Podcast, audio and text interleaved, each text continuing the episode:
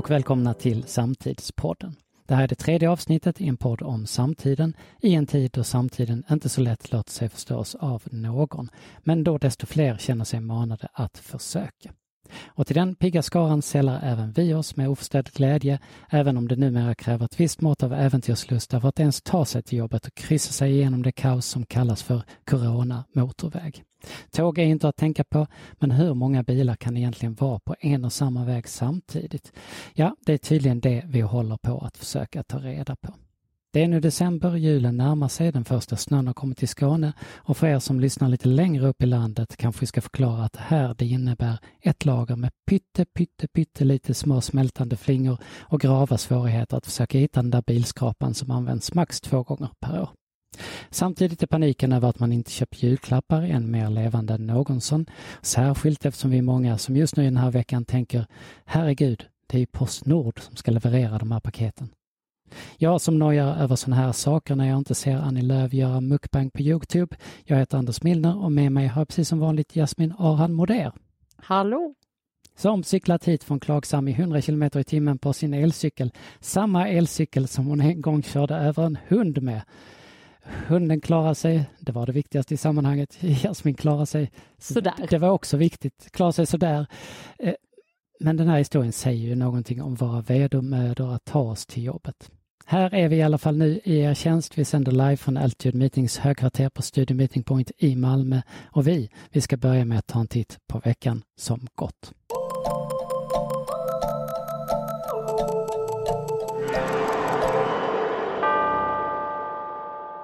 Och det här är alltså en del av podden där vi berättar vad som stängt på oss från veckans medieflod. Och här har ju skoldebatten seglat upp ordentligt den senaste veckan, inte minst på Twitter.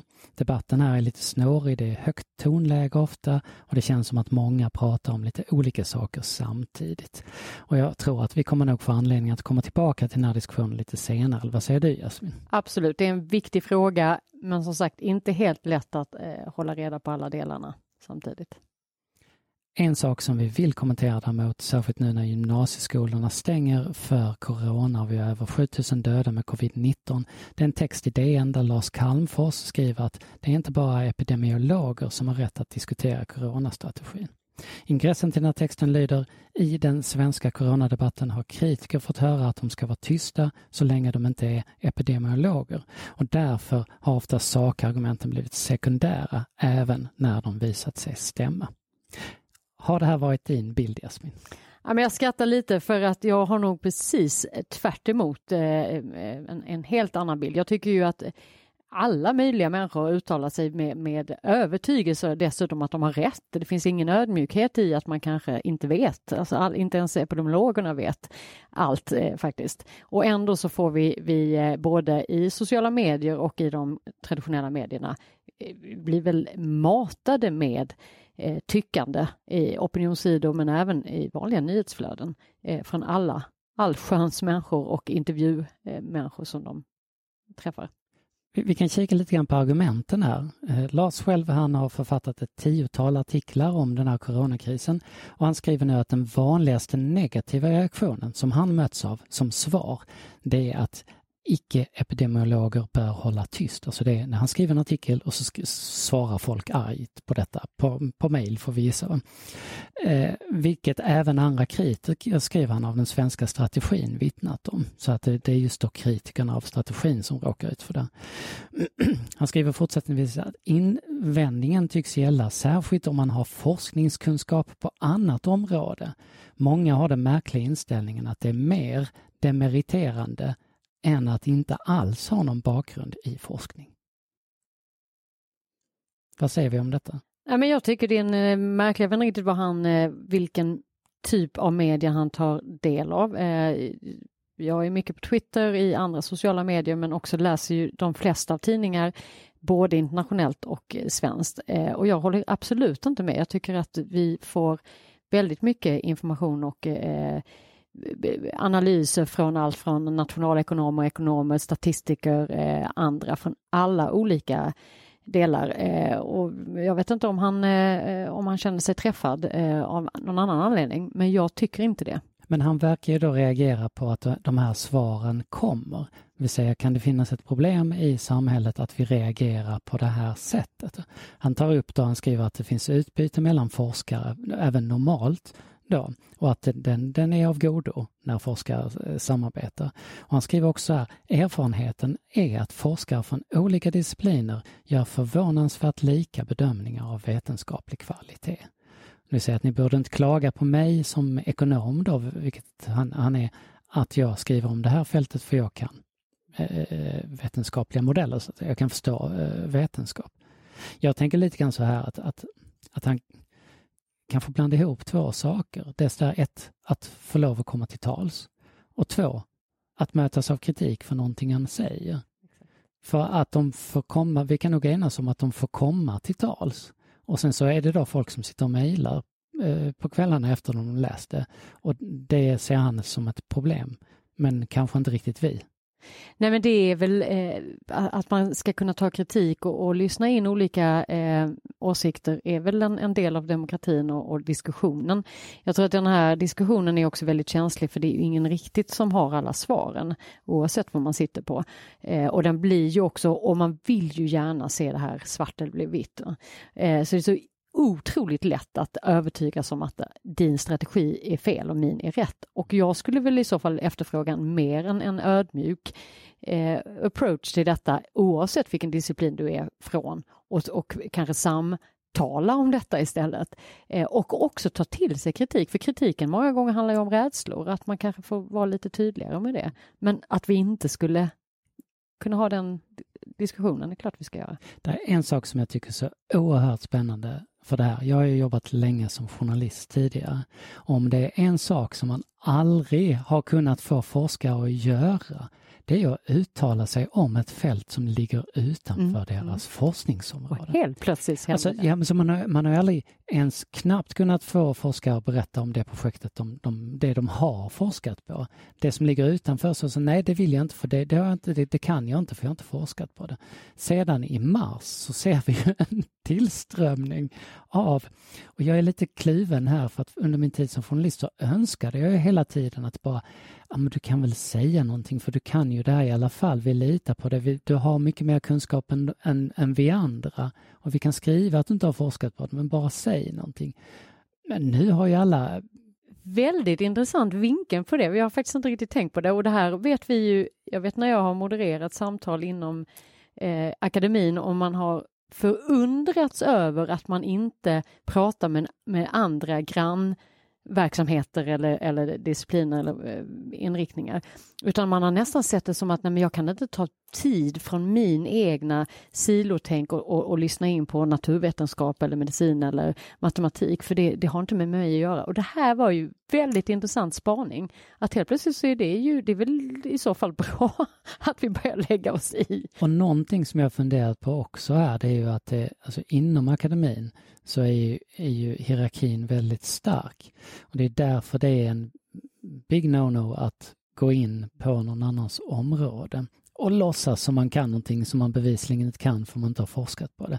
Så det är det som avhållit folk från att uttala sig i, i medier om saker de inte forskat på. För man får liksom skämmas då internt. Nu verkar inte den här eh, skammen finnas direkt när det gäller corona? Kan, möjligtvis kanske för att det är ett så stort samhälls... att det berör så ja, många. Men jag tror också det och jag tror att många av de som har kommit in, som jag i alla fall sett, det är ju statistis, statistiker, eh, matematiker, eh, andra som har kommit in och det finns väl en, en absolut anledning att också se sannolikhet och, och liksom räkna på det, för det är ju också mycket man eh, kan, kan basera på, eh, på statistik till exempel.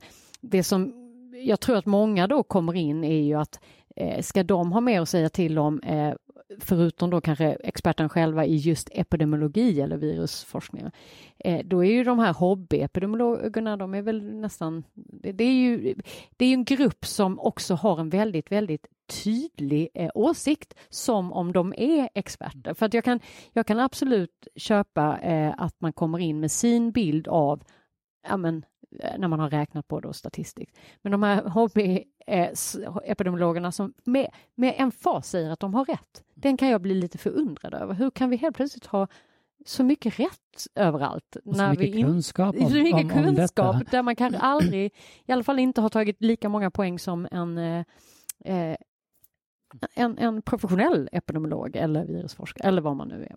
Ett möjligt problem jag ser i sammanhanget gentemot allmänheten i alla fall, det är att vi i allmänheten, vi har oftast ganska låg kunskap om vilka forskare som sysslar med vad eller vad det här är för någonting egentligen. Men vad är det? det vi har tränat i, i högst nio månader på att säga epidemiologi. Exakt, Vad är- jag är vad är- väldigt glad att jag kan säga det. Det var, det var ju ingen som kunde säga det i, i januari förra året. Nu, nu kan vi det ganska väl. På, Men där tror jag inte alltid vi förstår vad gränserna är mellan de olika. Och där finns det väl definitivt en poäng med att berätta vad man sysslar med och, och varför. Men då är det ännu mer intressant att han känner sig så träffad att han får inte lov att uttala sig. Det, det han, har han ju fått. Han har fått ganska mycket utrymme. Ja, senast idag. Ja. Eh, Och häromdagen också, för, eller för någon vecka sedan, så nog har den, det skråt också fått höras i tidningar och eh, eh, andra medier. Vi släpper det ämnet och går vidare till ett annat. Vi närmar oss som sagt jultider och kommer jullåtarna. Vilken är din favoritjullåt, Jasmin?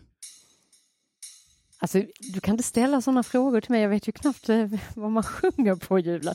Vet du vad jag saknar mest? Och det är faktiskt, om jag nu ska eh, ta det, det är ju att nu när man inte får eh, träffas och man inte får se någonting så saknar jag faktiskt eh, de traditionella Lucia-konserterna. Eh, Mina döttrar är med i flickkör här i Malmö stad och eh, vi kommer ju inte få se några av de här fantastiska Lucia-sångerna. Och den traditionella Lucia-sången, det är ju någonting som inger liksom julstämning hos mig. Just det. Och alla Den- skolor har bestämt att, att eh, GDPR bör tolkas så att man inte kan sända någonting Nej. heller. Så att då, kan blir inte, då blir det ingenting. Det slår mig också nu när vi pratar om det här. Vi har jobbat ihop ganska många år. Men jag har faktiskt ingen aning om vad du lyssnar på för musik överhuvudtaget. Ja, men det, jag lyssnar på massa musik men eftersom jag har ett, ett namnminne som en fisk så kommer jag ju inte ihåg vad jag lyssnar på. Men du har egna listor på Jag har, Spotify? så- jag har så- jättemycket bra listor. ja. Jag är ju en, en li, lite, dels lite allätare men också att jag vill ju gärna ha bra dansmusik. Vi kan se om vi kan lägga ut en, en av Jasmins listor här i, i inlägget också. Men anledningen varför vi pratar om det här det är för att i den här veckan har vi fått återuppleva den årligt återkommande diskussionen om censuren av världens bästa jullåt, Fairytale of New York. Och den här diskussionen den är om något samtidstypiskt och förtjänar en liten genomgång tycker vi. Och ni har alla hört den såklart, eller hur Jasmin? The Absolut. Fairytale of New York. Och, och ehm, den här låten den släpptes eh, i eh, november 1987. Jag stod faktiskt och väntade på den i, i skivbutiken när den kom och hörde den med stora öron. Och därefter så kom den ut med på skivan If I should fall from grace with God som kom året efter 88. Det är en jättesuccé, större än vad jag tror att vi fattar när vi gör den på radio. Den har varit uppe på Englands topp 20 15 gånger sedan 1987, det vill säga den kommer upp varje jul i stort sett.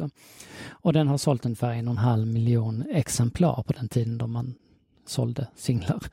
Eh, den har en särställning just i Stor- Storbritannien och röstades bara för några år sedan fram till den bästa jullåten eh, under 2000-talet, fast den är från 1900-talet. Och en annan sak är lite roligt Jasmin med detta. För 1985, det är alltså två år innan, då skulle jag ha sett Pokes här i Malmö.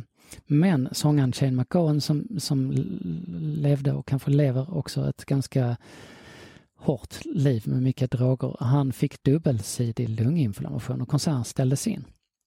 Och det innebär att han blev eh, strandsatt på ett hotellrum i Malmö. Mhm. Jag blev hemma på mitt pojkrum där hemma och kom inte iväg.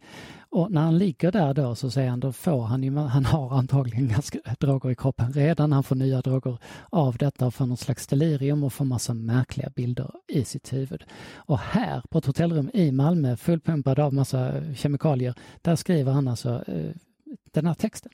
Det är helt fantastiskt, jag har ingen aning om. Vilken Till den här låten. historia. Det, det kan ha varit väldigt nära oss, det vet vi inte riktigt vilket hotell det var. Sen när de åker till USA något år senare så skriver han om texten och då får vi den texten som är idag med eh, migration från Irland till USA. Det är ett par vars liv har kraschat fullständigt. Alla drömmar har försvunnit. Eh, man ser deras vardag genom en, en, en alkohol och drogdimma i, i den här texten. Och medan då julfirandet exploderar i staden så bråkar då paret intensivt om vems fel det är att allting har gått åt helvete. Och då säger de de här saker som, som, som liksom ett försupet par kan tänkas ha sagt på 40-talet. Att mannen skriker till kvinnan You're a bum, you're a punk, you're an old slut on junk. Och kvinnan svarar rappt då You scumbag, you, you maggot, you cheap lousy faggot. Happy Christmas your ass, I pray God it's all lost. Om mer julstämningen så blir det kan knappast. Kan det inte bli. Och det, jag tror inte det är alla som hör det här riktigt när, när det spelas på radio, men det är vad de sjunger.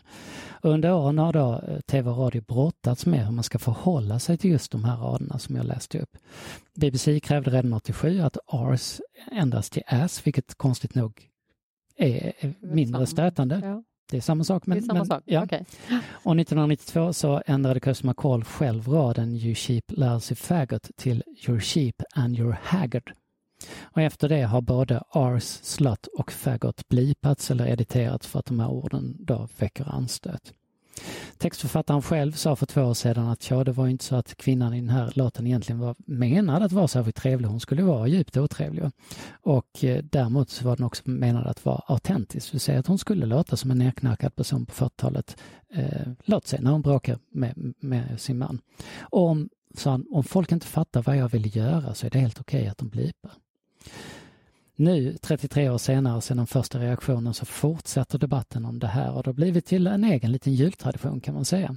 Nu anklagar folk om igen BBC då för att inte vilja spela låten om de här orden inte tas bort eller ändras och Nick Cave gav sig in i diskussionen, vilket är i svenska tidningar idag, och säger då att det var bättre om de hade bannat den helt än att man förstör det här konstverket. Samtidigt som Nick Cave säger att jag vet inte hur anstötligt ett ord som faggot är för unga människor idag. Det kan få jätteanstötligt. Ingen aning, säger han. Håll två tankar i huvudet samtidigt brukar vi säga att någonting kan ju vara djupt anstötligt för, för många samtidigt som det kan finnas ett legitimt konstnärligt syfte att skriva om dem på just det här sättet. Och det handlar såklart om kontexter. Nu har du hela historien framför dig här Jasmin. Vad, vad tänker du när du hör detta?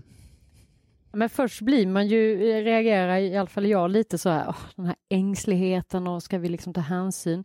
Samtidigt eh, som man när man har tonårsbarn, eh, vet ju du, så inser man ju att det är ju saker och ting vi tycker och tänker är, ju, men det är väl okej, okay, som i deras ögon och öron inte alls är okej okay, och att man får ta hänsyn till det. Att man behöver liksom inte vara stilpolis höll jag på sig hela tiden, men man får nog ha lite tankar och öppenhet för att vissa grejer som inte jag reagerar på, kanske andra reagerar på och ta hänsyn till det. Sen betyder det inte att jag måste anpassa mig efter det, men man kan i alla fall reflektera över det. Vad betyder det? Liksom, gör det mer illa än vad det Eh, betyder någonting för, för konstverkets, eh, så att säga. Just det, och jag såg hur du reagerade när jag läste där. Kom, kommer du, när den här låten kommer på på julafton och släkten är samlad, liksom kom, eller samlade är kanske inte släkten nu, men barnen är samlade, kommer du tänka på ett annat sätt? Ja, men nu kommer jag göra, nu kommer jag, vi har ju fattat vad de säger. Jag, du vet, jag hör ju aldrig eftersom jag, jag tänker på massa andra grejer, så dansar jag lite, men det kommer jag ju göra och jag ska faktiskt, eftersom mina barn är så otroligt, alltså de är ju, jag vet inte om hur det är med dina, men de hör ju allting. De, vet ju, de kan ju texterna efter fem sekunder. Det ska bli intressant att se vad de, hur de reagerar på de här. För mig är ju liksom det konstnärliga värdet i den här kanske större än, än i en annan klassiker som diskuteras i sammanhanget som, som är Baby It's Cold Outside mm. som är sjungits in av allt från Louis Armstrong till Bing, uh, Bing Crosby, Sammy Davis Jr, Ella Fitzgerald. Uh, och den kan ju antingen läsas som flörtig eller som ett paradexempel på en metoo-problematik där mannen vägrar ta ett nej ihärda. Oavsett vad hon säger så ligger han på och hon säger till och med sådana förfärande saker som vad är det i den här drinken egentligen? Ja. Uh, är det här värre för dig, Jasmin? Jag har tidigare reagerat på den och jag tror det var i samband med att jag såg den i någon film eh, och att det verkligen då slås av att säger de, ja men det här så, så det hade man nog inte kommit undan med idag. Om de hade skrivit låten idag så hade man inte kommit undan med det. Det tror jag inte. Det har ju också hänt någonting med sociala medier. Alltså, vi, vi har den här polariseringen med oss hela tiden. Jag tycker att så fort en sida kommer fram med någon kritik så får vi en motsida som säger att vi ska fortsätta där bara för att vi inte ska vara PK. Och jag tycker det är väldigt svårt att säga vilken av de här två som egentligen är, är liksom mest skadlig för diskussionen. Ja, den är, jag tycker också den är otroligt svår. Eh, och det, det, handlar ju också om att, eh, återigen det här, det är inte svart eller vitt. Vi behöver liksom se på en större bild och inte bli så kategoriska i det. Eh, för det blir ju, det blir ju nästan barnsligt att göra en reaktion, att ja, bara för att någon tycker något, eh, någonting som står strid med vad jag tycker så ska jag gå upp och liksom stödköpa liksom bo. Alltså det blir sån konstig reaktion istället för att fundera på, är det här någonting som ja, men vi kanske ska samtala om och som inte är så bra. Eller så är det inte det, men, men att ha lite mer Jag kan ju också tänka mig att, att så, men allting behöver inte vara för alltid. Nej. Alltså, så mm. vi, vi kan ändra saker, vi kan gå vidare, vi kan sluta med grejer om de inte känns rätt eller om andra människor reagerar på det. Exakt, och det behöver inte vara fel. Nej, jag hörde Ben Hammersley på internetdagarna för några år sedan säga att om du vill veta någonting om framtiden och trender så ska du fundera på att du är gammal och du siktar på en släktmiddag, kanske på julen, omgiven av din familj och dina barnbarn.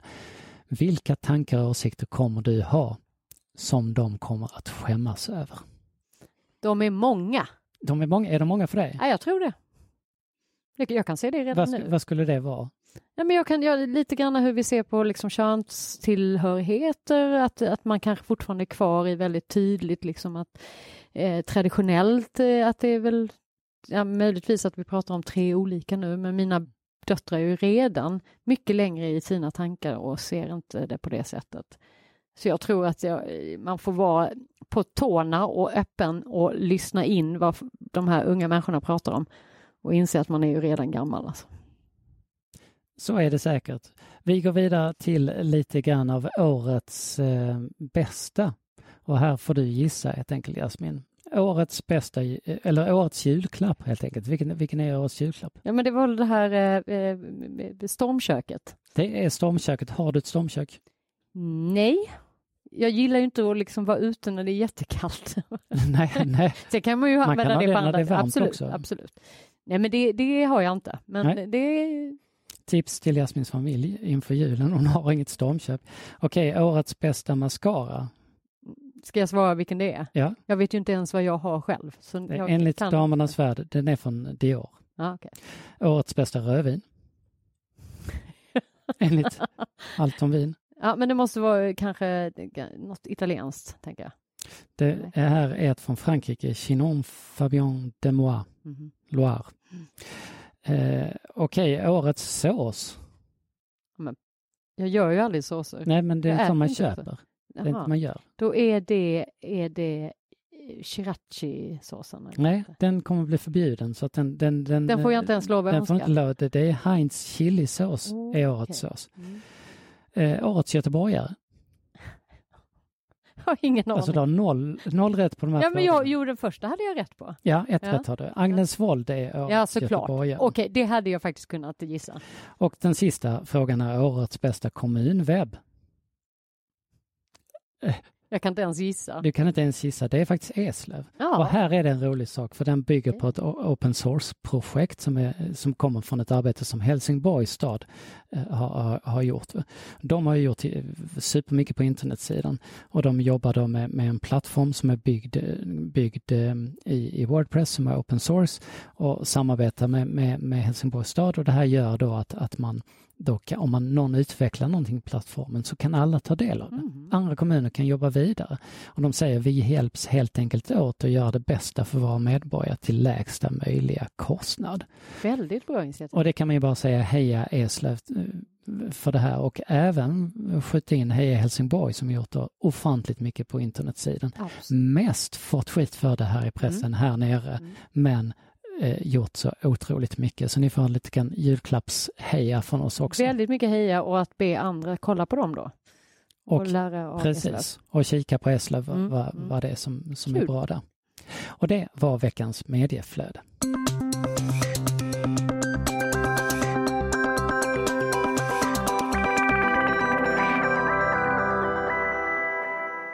Och nu ska vi prata om möten, för möten är ju vad vi sysslar med. Och mötesformerna de har ändrat drastiskt sedan i våras. Hur skulle du beskriva den här, eh, eller den initiala förändringen i alla fall, Jasmin? Ja, men som vi alla vet så har vi ju alla fått ställa om och göra väldigt mycket mer digitalt och eh, slänga oss in i alla de plattformar som finns för att eh, ändå fortsätta sina samtal och möten och vad man nu vill ha. Eh, det som jag kan tycka är intressant är att, att vi har pratat om det här under flera år, hur man skulle kunna göra det mycket mer tillgängligt via liksom, digitala eh, plattformar och så vidare. Och aldrig riktigt kommit dit därför att vi har aldrig haft den kniven mot strupen. Det har liksom inte riktigt behövts. Vi har filmat saker och lagt ut och man har möjligtvis kommenterat men vi har aldrig gjort det på riktigt. Eh, det har ju gjort att vi nu har tvingats tänka så att det blir bra på de plattformarna vi sänder och tänka mycket mer på innehåll, struktur, tid. Vi vet om att man kan inte sitta det vet vi ju normalt att vi kan inte sitta och lyssna på någon i 45 minuter, en timme ändå som bara maler. Det, det har vi ju vetat länge. Det blir ännu mer påtagligt när man sitter framför en skärm. Man somnar ju efter 15-20 minuter. Det är nästan lite lättare för oss att föra de diskussionerna gentemot eh, folk vi samarbetar med och kunder nu, tycker jag, än, än vad det var innan den digitala vågen då, då man inte riktigt tog det här till sig i en, en livesida att, att nej, men ett föredrag kan vara en timme. Medan vi säger att så här, ja. 20 minuter är nog rätt lagom. Men jag tror att det blir så påtagligt också därför att när man sitter där möte efter möte så man märker mycket tydligare hur du tappar koncentrationen. Sitter du i ett live-möte så när du tappar koncentrationen så, så tittar du lite på, på din telefon och du gör lite annat du får ju fortfarande upplevelsen att ja, men folk satt ju kvar. Mm. Ja, men du lyssnade ju inte. Efter. Men den, den är svår att ta in när det är ett livemöte. Nu är det väldigt påtagligt. Och någonstans på vägen från den här, eh, på den här resan så börjar vi då prata om hybridmöten. Det händer ju då när det börjar dras mot att vi kanske kan få tillbaka folk på framför en scen i, i liten skara i alla fall. Där framåt sommaren så börjar vi prata om detta.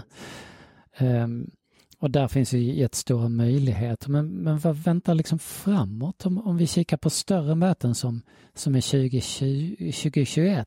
Om man tänker sig till exempel Almedalen. Vi gjorde ju istället för Almedalen som fångade upp initiativ och sände det digitalt för att Almedalen ställdes in. Och nu, precis som när Bokmässan gjordes digitalt, så kommer ju Almedalen att till, till åtminstone viss del att vara digitalt. Vad, vad tror du om utvecklingen för de, de mötena? Ja, men jag tror att om man tar det här lite på allvar och eh, eh, ser möjligheterna så kan detta bli väldigt bra. Du nämnde hybridmöten. Jag tror att hybridmöten i, i olika former när man gör det på rätt sätt därför att återigen, många tror nog att hybridmöten är någon typ att åh vad bra, då har vi lite äh, människor live och sen så sänder vi resten och man har inte förstått att det måste vara seamless mellan de som är här fysiskt och de som är digitalt. Alla ska ha samma förutsättningar att höras, synas, eh, kanske inte synas nödvändigtvis, men höras och kommunicera med varandra. Och det ställer ju krav både på de som sitter live och de som sitter digitalt. Men du ska ju, jag ska ju aldrig behöva tänka vilket som är bättre eller sämre. Det finns fördelar med det ena och det finns fördelar med det andra, men kontentan ger mig samma liksom, eh, innehåll eller målsättning, vad du nu vill. Eh, det jag tror på de här stora mötena, om man, om man paketerar detta och, och tänker igenom igen då, tillbaka till innehåll och format och så, så tror jag att vi har en jättestor möjlighet också att göra de här mötena mycket mer eh, demokratiska. Vi kan nå ut och det har vi ju sett nu med de digitala mötena vi har gjort. Man kan nå ut till många fler. Det har vi pratat om innan men det har alltid känts lite styvmoderligt hanterat. Nu är det liksom en självklarhet att vem som helst kan få lov att titta och lyssna på det, men också delta som talare, som eh, panelist, som kommentator. Det är ett helt annat sätt att inkludera folk. De kan sitta i Haparanda, de kan sitta i Sydafrika, de kan sitta eh, var du vill. Det tycker jag är otroligt spännande och det finns ingen som kan säga nej men det går ju inte, hen är ju inte här på plats. Går visst då. Precis, och vi kan ju bara som jämförelse ta det här med Almedalen att normalt sett om man går till ett Almedalsseminarium så kan det ju vara kanske 20 personer i ett, i ett litet tält. Det är inte alls ovanligt att det, att det är sådär. Eh, mellan 10 och 50 personer eller kanske det normala. Och vi kan se att vi är på väg mot 15 000 som, som har tittat och tagit del av dem istället för Almedalen som vi gjorde. Där man hade möjlighet då också att efter alla som var med kunde ju prata med alla föreläsare efter ställa sina frågor också. Ja, men det, det, det, får ju mycket längre livslängd och du kan ta vara på det och det kanske också gör att de som är med och deltar i paneler eller, eller presentatörer Eh, är lite, lite skarpare i och tänker igenom vad är det jag egentligen vill och också nyttja det här att ta reda på vad de som tittar på det vill eh, och kunna använda det och skicka ut och, och, ta upp igen eller faktiskt också säga men du, du sa faktiskt det på det seminariet. Det, det går ju inte att säga nej men det gjorde jag inte. Jo, det kan jag berätta att det går jättebra att ha det här på band. Och kanske är det så att vi kommer in, nu har, har det varit en, liksom en trött sista höst här med, vi pratade om kreativitet eh, i tidigare podd, där, där, det inte riktigt händer så mycket. Väldigt många väntar på julen, vid coronan ligger ju som en mörk filt över oss. Kanske att vi får se en annan kreativitet när vi går fram till våren. Nya tankar, nya sätt att agera. Det här, vår podd, mm. är ju eh, en sån tanke som vi kanske tror att många kan använda som en del av möte, att gå till ett poddformat eftersom folk är ändå på distans. Man kan paketera kunskap på ett bra sätt så slipper man sitta framför en skärm och matas utan man kan gå ut och gå samtidigt som man lyssnar. Jag tror överhuvudtaget att man framåt kommer eh, eh, det finns liksom inte en, ett, ett rätt svar att så här kommer det mötesvärlden se ut utan vi ska nog bara vara medvetna om att hela tiden vara agila och eh, möta upp behoven och ändra efter behov och efter eh, vad man vill. Och därmed är vi framme vid veckans Men hallå, där vi lyfter upp någonting som har fått oss att höja ögonbrynen extra.